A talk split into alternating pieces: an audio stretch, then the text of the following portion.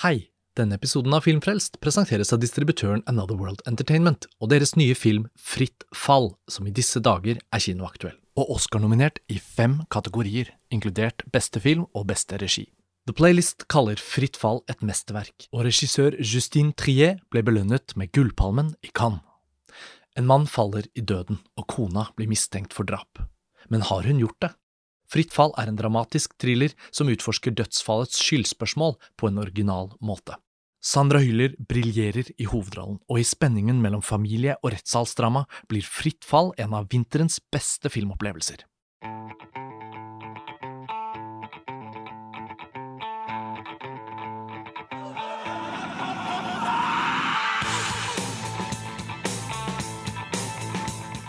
Hei og velkommen til en ny episode av Filmfrelst, podkasten fra filmtidsskriftet montasj.no.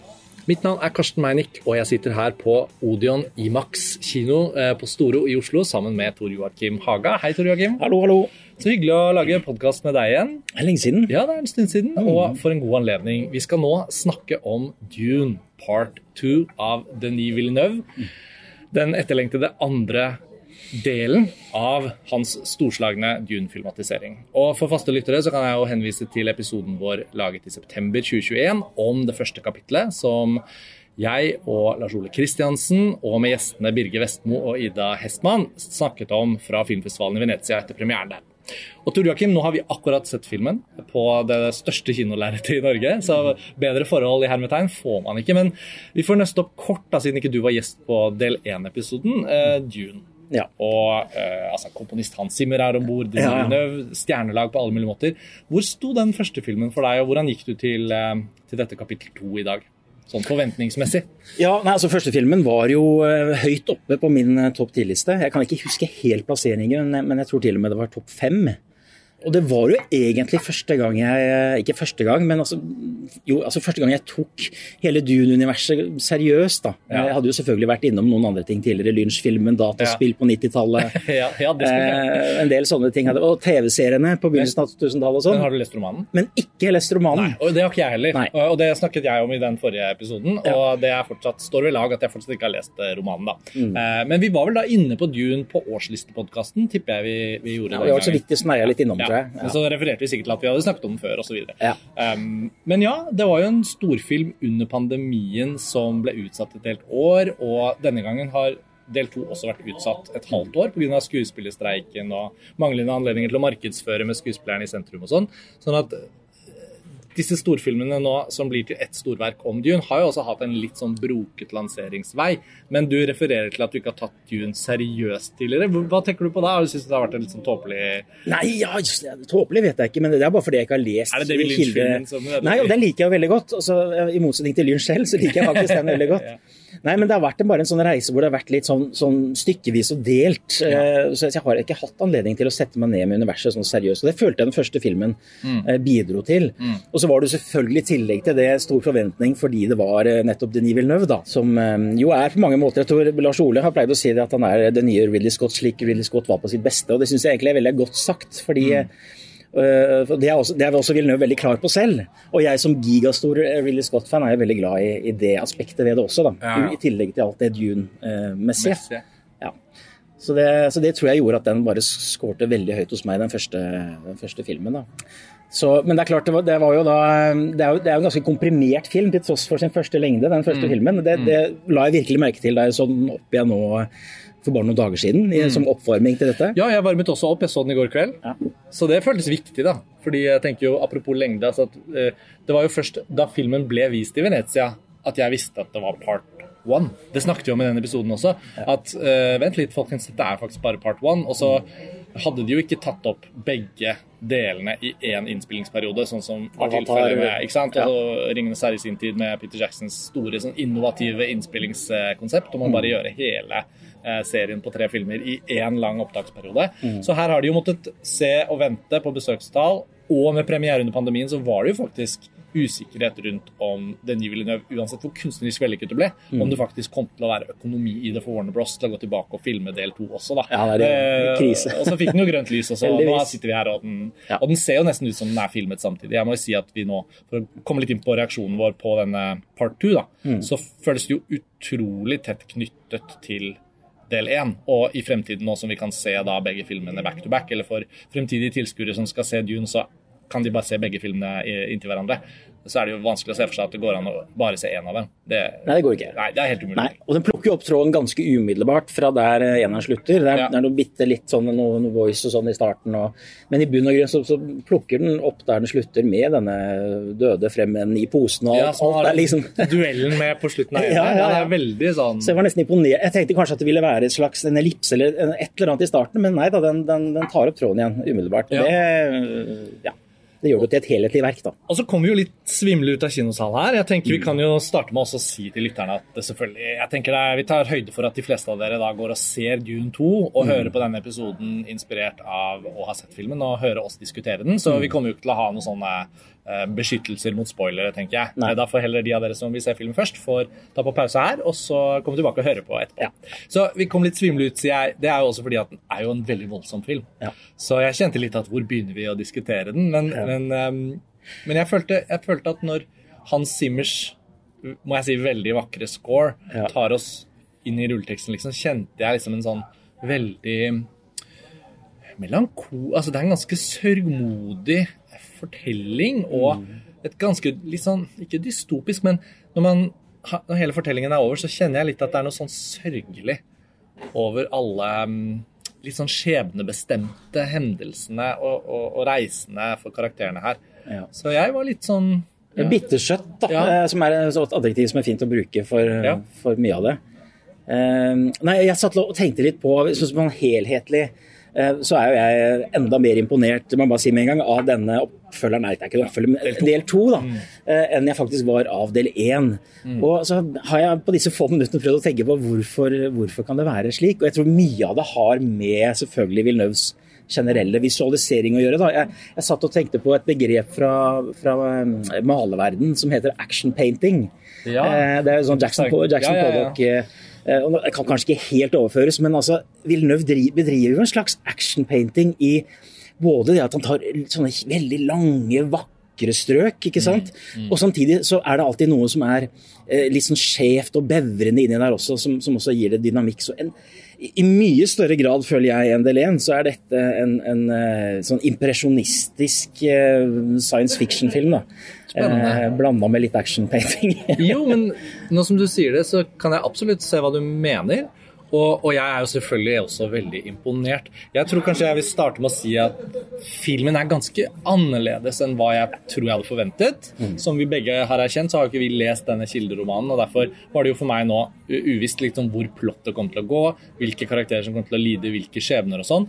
Men det blir jo etablert ganske tydelig i part one at uh, denne Bene Gesserit, denne mo morens liksom, denne hekselignende ja, kult, sekt, kulten, ja. sekten. Um, og, og, og, Paul Eitreides liksom skjebnebestemte vei, at mm. han er tiltenkt en slags uh, Messias-posisjon um, i hvordan han skal liksom bli en eller annen politisk nøkkel mm. i både keiserens liksom, måte å styre denne verdenen på, mm. og selvfølgelig også i selve liksom, actionplottet på Arrakis. da det tar mye større plass ja. i del to enn jeg hadde forventet. Det, ja. Jeg hadde jo virkelig ikke trodd at vi kom til å være vitne til lange partier med ganske sånn omstendelige både ritualer og forklaringer og, og litt sånn sjeledypdykk og hellige mm. vannkilder. Altså det, Alt det der det Litt som en eh, gudstjeneste? Ja, altså, det kom litt brått på meg. Og jeg vet ikke om Katolsk gudstjeneste? Ja, og jeg vet ikke om jeg svelget alt det døpevannet på første møte. Så det, der lå litt kanskje Ikke en svakhet, men jeg tror jeg må se filmen igjen for å kjenne litt mer på hvordan jeg syns rytmen i filmen balanseres. da. For når den da trår til med en voldsomt episke actionsekvenser altså, jeg, mm. jeg vet ikke om vi har sett lignende siden ja, det var vel noen slagscener innad i Avengers, Infinity War og, og de der. Ja, hvor det var noe sånn, helt annen måte. Ja, hvor, de, ja. hvor liksom fire hærer kommer løpende fra hver sin kant og sånn. Og ja. Ridley Scotts Napoleon hadde et par svære. Ja. Men det føltes ganske lenge siden jeg hadde sett i sånn sci-fi fantasy-verdenen. Eh, såpass massivt og vellykket gjennomførte slagscener. Da. Så, så den blir jo også en stor action-krigsfilm. Men jeg syns også det er veldig overraskende lite action, faktisk til og med sammenlignet med, med eneren. Hvor ja. jeg føler at de actionsekvensene som var i eneren, de, de, vet ikke om de virket lenger eller om de virket hardere på noe vis. Um, fordi uh, jeg ble jo faktisk veldig grepet av de lange gudstjenestesekvensene i, i denne del to. Da. Uh, i, I starten stusset jeg litt. Skal, skal, det være en sånn film, tenkte jeg. Men så ja kom jeg gradvis inn i det, og ikke minst lyddesignet, som ja. også er veldig eterisk, med ja. noen gonger og noen klanger og noe Tibet. Ja, hvor, og, hvor, er det han Simmer, og hvor er det han Paul King, eller hva han heter? Ja, altså, de glir veldig tett over, veldig over i hverandre. Jeg syns jo Simmer ofte er veldig spennende når han jobber med sånn lyddesign nesten ja, i musikken sin. Nå skal det sies at det, noen av de hardeste med elgitarer, og det ene var kanskje ikke det, det, det, det mildeste for øregangene, men, men når, han, når, ting trekkes ned da, og, og, går inn i mystisismens verden, uh, både med Simmer og lyddesign og alt, og blafrende gevanter, ikke sant? Masse, det blafrer. Det blafrer noe voldsomt. Altså, da er jeg med. Arrakis fikk sitt Himalaya her på noe vis. Ja, altså, ja, ja. For det var ikke bare altså, sånn, Jeg føler jo også at det, det interessante når eh, Og dette er sikkert Frank Herbert, da, men la oss da uansett ta det for Denis Villeneuve som, som avsenderen her. At når eh, en science fiction-fabel, eh, et eh, liksom fantasirikt fiksjonsunivers skal absorbere uh, ting fra vår verden, ta i bruk og, og, peke og henvise og referere, så er det jo ingen tvil om at islam selvfølgelig ligger under her. Eh, det er jo nesten overtydelig hvordan islam er bare et bitte lite fiksjonsknepp unna å være religionen hos um, fremmedfolket.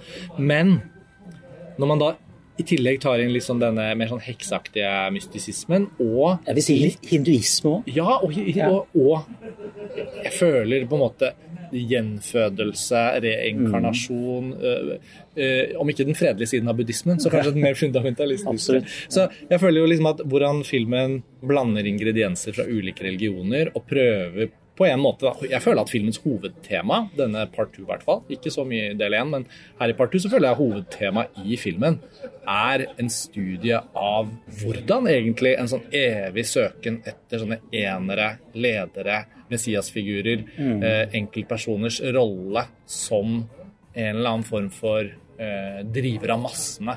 Og, og, det kan jo gå på liksom vår verdens politikk og hvor kvalmende det kan være å observere politiske prosesser, om det er de amerikanske valgene eller mm. her i Europa. Um, eller om det går på religiøst hold. Mm. Og, og Paul Atreides eh, i Timothy Chalamets skikkelse, han holder jo hele tiden en veldig sånn klar linje på at han vet at dette er noe de planla for hundrevis av år siden for ham, og det er litt en konstruksjon. Mm. Og han er ikke med på det. Men så innser han jo gradvis mer og mer at jeg må spille ut den linjen. Jeg mm. har en rolle, og den er gitt meg, og jeg kommer ikke unna det. Mm. Og jeg syns den, eh, etter hvert som det ble liksom tematikk, hvor det på en måte scene for scene det begynte å bygge opp til noe, da ble filmen mer og mer interessant også. Men jeg er usikker på om den trengte å bruke så lang tid på disse ja, ja, altså, gongongene, og, ja. og, møtene Det var veldig morsomt når du nevnte det med det geopolitiske, og, kan man si kanskje litt heldig, nå vet jeg ikke hva han Harkon, baron Harkon hva han heter i bøkene, jeg går ut fra at det er det samme navnet, men at han heter Vladimir til fornavn.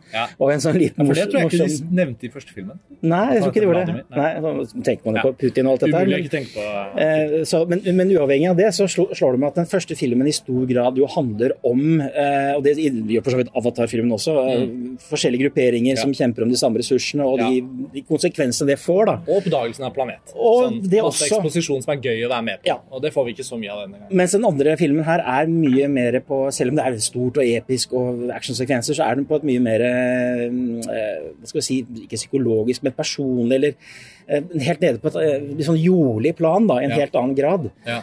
Eh, men samtidig hvor det hele tiden speiles i vistaer og, og, det flott. Og det er jo det jeg elsker mest ja, i filmene. Som, hvor, hvor indreliv og ytreliv bare møtes uh, i en mye større grad, føler jeg, i denne delen enn i del én. Ja, jeg satt noen rader bak deg og jeg tenkte på deg underveis. Jeg vet hvor glad du er i vistaer. Jeg syns til og med uh, kanskje altså, klipper Joe Walker her, som vant Oscar for uh, første filmen, og The New Villeneuve nesten var litt gjerrige på et par av de vistaene.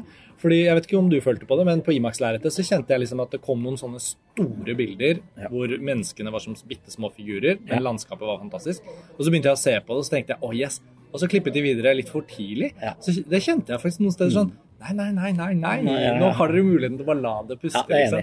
Uh, men det var, det var selvvis tilstrekkelig mange slike sekvenser at det alltid dukket opp en, en, en ny en. da. Ja, men det er ikke ofte på sånne bilder at man virkelig, virkelig føler at man vil at de skal vare lenger. Nei. Fordi det er mange filmer som prøver seg med Vistar, men som hele tiden leverer sånn eh, kioskvare. Ja. Eh, her er vi jo liksom på det ved kongens bord. Jeg syns jo virkelig at filmen er eh, Jeg er jo i luksusposisjon som publikummere å få sånne produksjoner. At noen gidder, at noen tar seg råd. Mm. Ja. Det er så mange bilder her hvor jeg tenker sånn Altså, tiden det tar å bare lage dette ene bildet.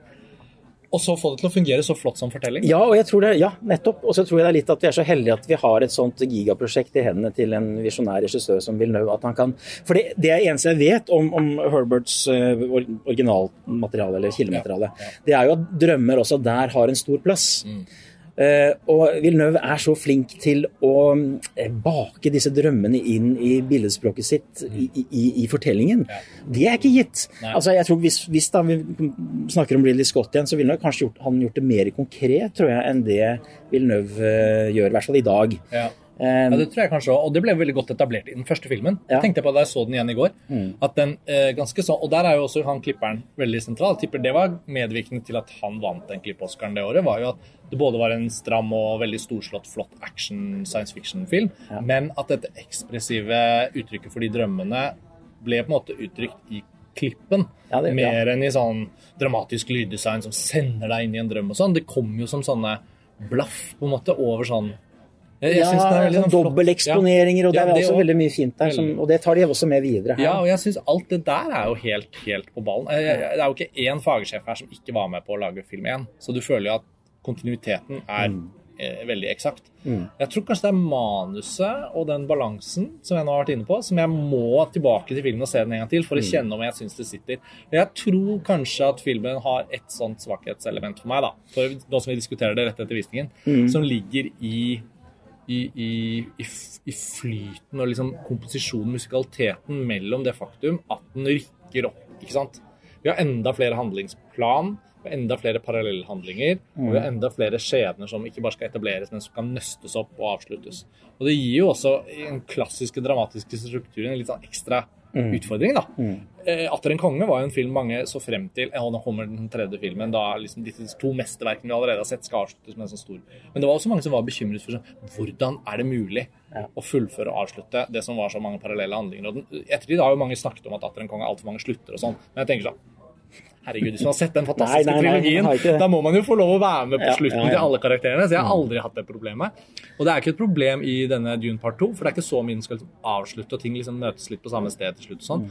Men underveis der det er, ikke like flytende elegant som i første filmen, i forhold til at den skal hoppe plutselig til noen parallelle handlinger som vi har vært lenge borte fra, så skal den være veldig lenge inn i disse messianske partiene og sånn. Tenkte du ikke noe av Nei, altså den føles jo lenger, denne filmen. Ja. Eh, eller, Ikke bare er den lenger, men den er- føles også den lenger. føles også litt lenger. Og det, er for, det handler også litt om at det er ikke all verdens altså Man snakker gjerne med sånn reisefilm som beveger seg til spennende lokasjon én etter én. Ja. Eh, og, um, Arrakis har ikke så veldig mange forskjellige steder å skilte med. Det er mye sand. Det er mye sand, og så har den noen hovedsteder og noen fjell og sånn. Men jeg synes med det som utgangspunkt, så klarer den likevel å, å, å bevege seg til forskjellige skal jeg si, stemningssteder. Da. Og det handler litt om, om hvordan Villeneuve løser det. Um, så vet ikke om det er det du tenkte på, at det var et savn? At ikke det var en mer sånn der, For de har jo mange av disse. De har jo 'Ringenes herre', og de har jo Mm. de og de har jo Avatar, og ikke sant. De, har disse forflytningene. Ja, altså, det, det kan hende det spiller litt grann inn.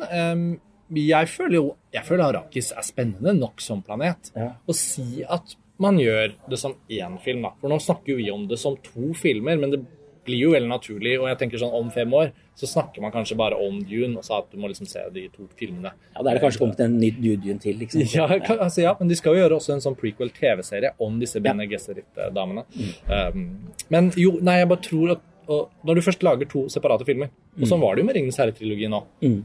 de kommer jo hver for seg, og da skal faktisk hver og en film fungere. Det var det som var så imponerende med To tårn den gangen, at den også som seg selv hadde en utrolig eh, spennende fortellerform, og måten den fulgte alle de forskjellige handlingsplanene og med Helms Deep. Og jeg har sett faktisk noen sammenligne Dune Part 2 med både To tårn og Empire Strikes Back og sånn.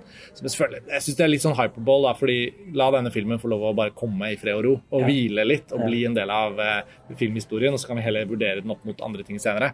Jeg syns ikke jeg per i dag, en time etter filmen, at vi kan si at den er på nivå med de to, men eh, Det er nå engang også to filmer her som utgjør hele boka. da. Jeg regner med at det er sikkert masse som ikke er tatt med, mm. men det føles ut som en avsluttet og, og, og fullendt fortelling. da. Så jeg, spent, jeg, er spent på å egentlig bare følge den dramatiske opplevelsen av Dune, hvis man ser begge filmene inntil hverandre, og se om noe av det jeg kanskje reagerte litt på nå, mm. eh, ikke merkes så godt hvis man ser del én og del to sånn helt. Tar en skikkelig helaften, ja. ja. Med begge to. Mm. Ja, jeg vet han på Odeon her Vi sitter jo på Odeon kino hvor vi akkurat har sett filmen, og en av de som jobber her, har fortalt meg at uh, i kveld så skal de ha sånn førpremiere hvor de viser Dune 1 og Dune 2 etter ja. hverandre. Eksempel. ja. Så det er sikkert mange kinoer i Norge som kommer til å benytte anledningen til å gjøre, da. Eh. Ja, altså jeg er alltid veldig glad i førstefilmer i sånne serier fordi jeg er så glad i verdensbygging. Mm. Så jeg liker f.eks. A New Hope eh, best, og jeg liker uh, Phantom Menace best fra Star Wars-universet. Ja, mm. uh,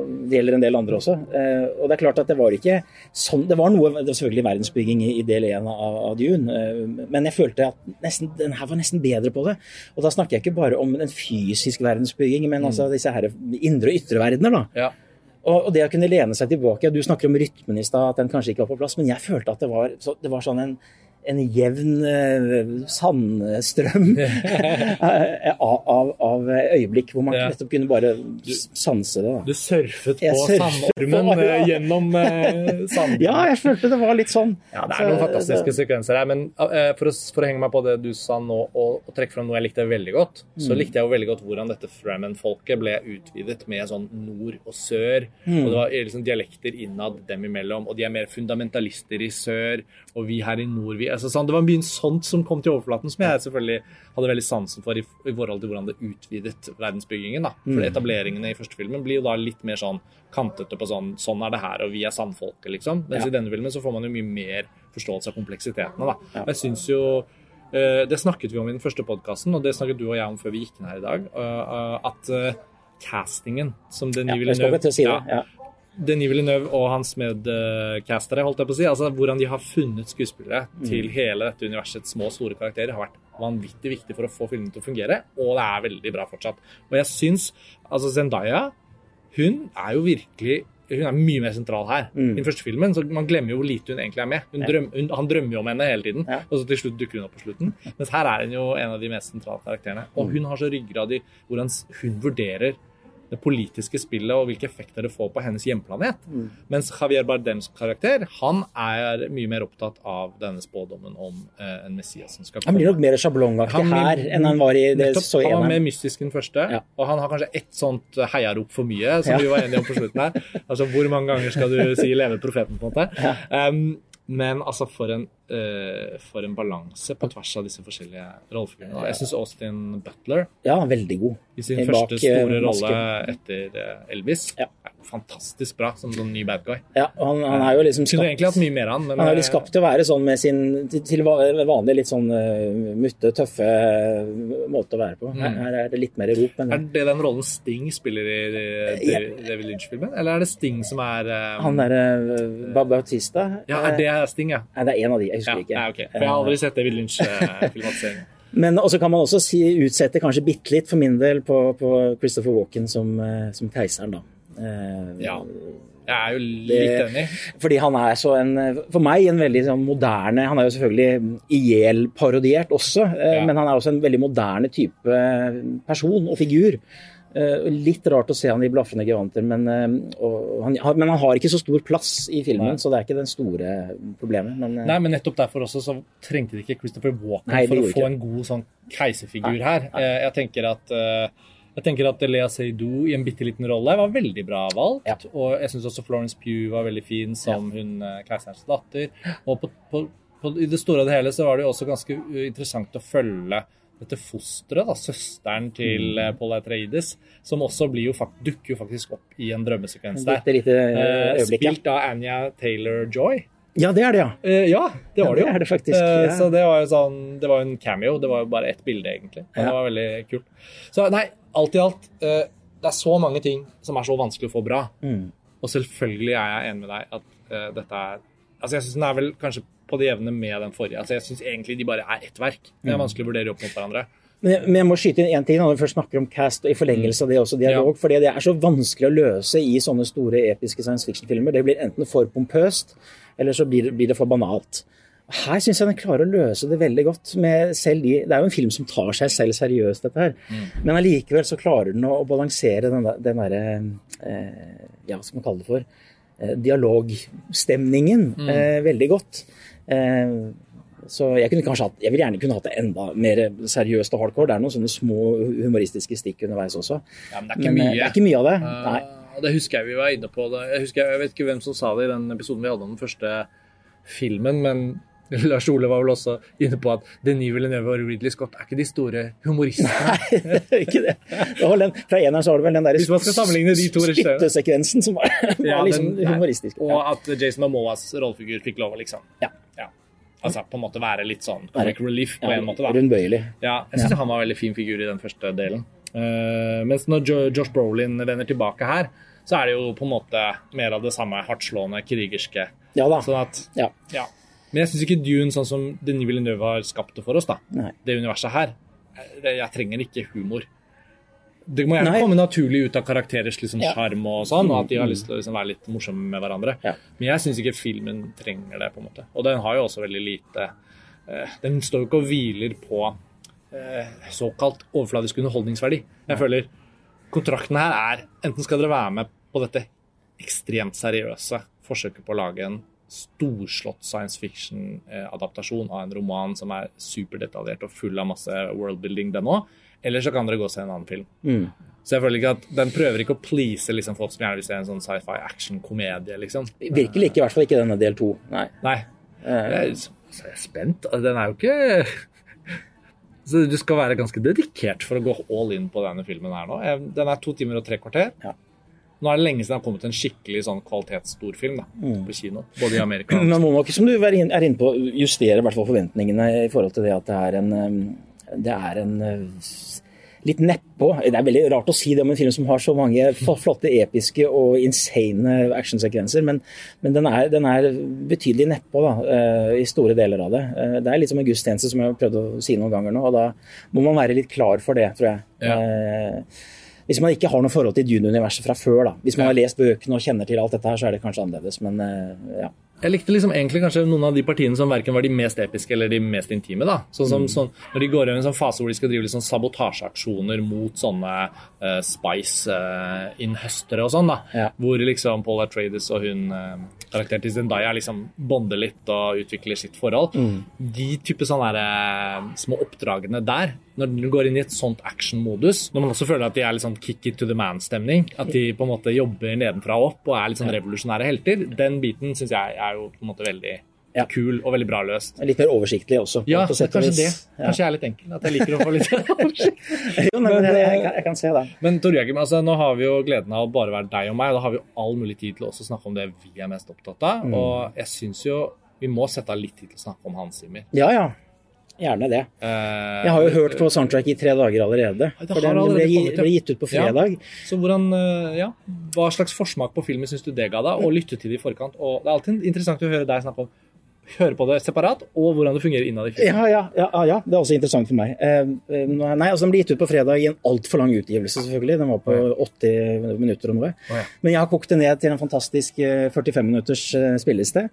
Um, fordi Det er jo, det som er interessant med å se del to, er um, disse ledemotivene som han tross alt har. Han mm. har temaer for, for uh, Bene Gesserit, mm. han har temaer for Dune og Arrakis, han har temaer for sandormene. Mm. Og ikke minst så har han dette vanvittig flotte temaet, kjærlighetstemaet, ja. for Zendaya og, og, ja, for, Paula Trades. Eh, altså. Ja, for jeg fikk helt til gåsehud faktisk to-tre ganger i filmen. Og jeg syns det var så, så, så vakkert. Og det var sånn Denis Villeneuve skjønner da også at nå blir han Simmer most valuable player. Bare tune ut alt det andre, og det klarte han. Det Villeneuve vis, sa visstnok det, eller spurte visstnok Simmer om det i forkant. Kan du nå skrive noe av det vakreste temaet du noen gang har skrevet for Oi. dette her? uh, og det er også fordi det står i så voldsom kontrast til det harde og brutale ja. lydbildet ellers. da. Mm. Eh, som gjør at det virkelig står frem med en sånn duduk-aktig instrument som jo Simmer var med å popularisere med Gladiator for, mm. for over 20 år siden. Mm. 25 år siden eh, snart. Så, eh, så det, det, var helt fantastisk. Eh, det er litt vanskelig å komme inn i en del av de elementene hvor, han, eh, hvor det blir veldig perkussivt ja. og veldig massivt, og det blir en sånn lyd, lydvegg. Ja, ja. og det er ikke Imax jeg syns ikke denne salen vi nå så filmen i, den er ikke optimal på det å klare å litt Nei. få puste inni kino- og lydopplevelsen. Det rister jo i setene. Ja, det blir jo såpass mye at det blir for mye et Ja, steder. det blir nesten sånn 4DX. eh, Ja, ja, ja men og jeg tenker da har jo heller ikke miksen hvor de har gått for alt. Altså mer av alt. Nei. Det, det er noen slagscener og sånn hvor jeg tenker her kunne de også gått motsatt retning. Ja. Og, og, og isolert lyden av en av karakterene, f.eks. Mm. Og se bare kamp, slagkampen utspille seg, og latt Hans Zimmer få lov å Ja, og det var det Simmer gjorde så godt i, i fjor, med det fantastiske soundtracket til uh, Gareth Edwards' uh, The Creator, uh, som jeg har hørt veldig mye på, som var et av mine topp tre favorittsoundtracks fra i fjor. Eh, der var det et større pusterom og større auralt pusterom da, for musikken til å, å skinne. Det er det ikke kanskje i samme grad her, med noen få unntak, og da særlig dette kjærlighetstemaet. Eh, så jeg, jeg ville kanskje løst eh, lydmiksen på litt annen måte, men det er fordi jeg kjemper for musikkens plass. Ja, men, Eh, men, men der, der føler jeg virkelig også at avspillingen Altså uh, hvor man ser den. mm, Det er jo en film hvor jeg får lyst til å, og gleden av å se den i flere sammenhenger. da. Og som Mm. sagt, Jeg så eneren om igjen i går, men da måtte jeg bare se den fra, på TV-en på, i sofaen. liksom. Ja. Og da ble det jo, og vi har nyfødt hjemme, så det var litt sånn skru ned volumet underveis og sånn. Men det rare da er jo at man får jo testet filmen. I hvert fall syns jeg alltid det er gøy etter at man har sett noe første gangen. Ideelt sett på en optimal visningsarena. Så er det litt sånn gøy å teste filmen på ulike former for visning. Ikke helt ned til sånn laptop og iPhone for sånne filmer som det her. Det er åpenbart. Men, men det er ikke liksom Det er ikke så dumt av og til å la en film få prøve seg på et litt mindre anlegg eller en litt dårligere format. Og så sier man OK, hvis den fortsatt egentlig får til alt den prøver på, så har den jo klart å finne en balanse. Um, Og Det er kanskje litt som det, det du er interessert i her også, som er, er rytme. og sånn, For da, Ja. på, på telefon får du ikke de Vista-opplevelsene. Nei, men altså, jeg ser aldri film på telefonen for å illustrere. Jo, jo, men ja. Ja, men er så altså, opptatt av ja, men, klipping, ja, og man Mm. ser jo av og til en trailer på en telefon. Ja. Ikke sant? Og da tenker jeg herregud, uh, hvorfor ser jeg denne traileren til film X her? Ja. Når jeg egentlig burde vurdere den uh, første smakebiten på bildene uh, på et litt større lerret. Mm.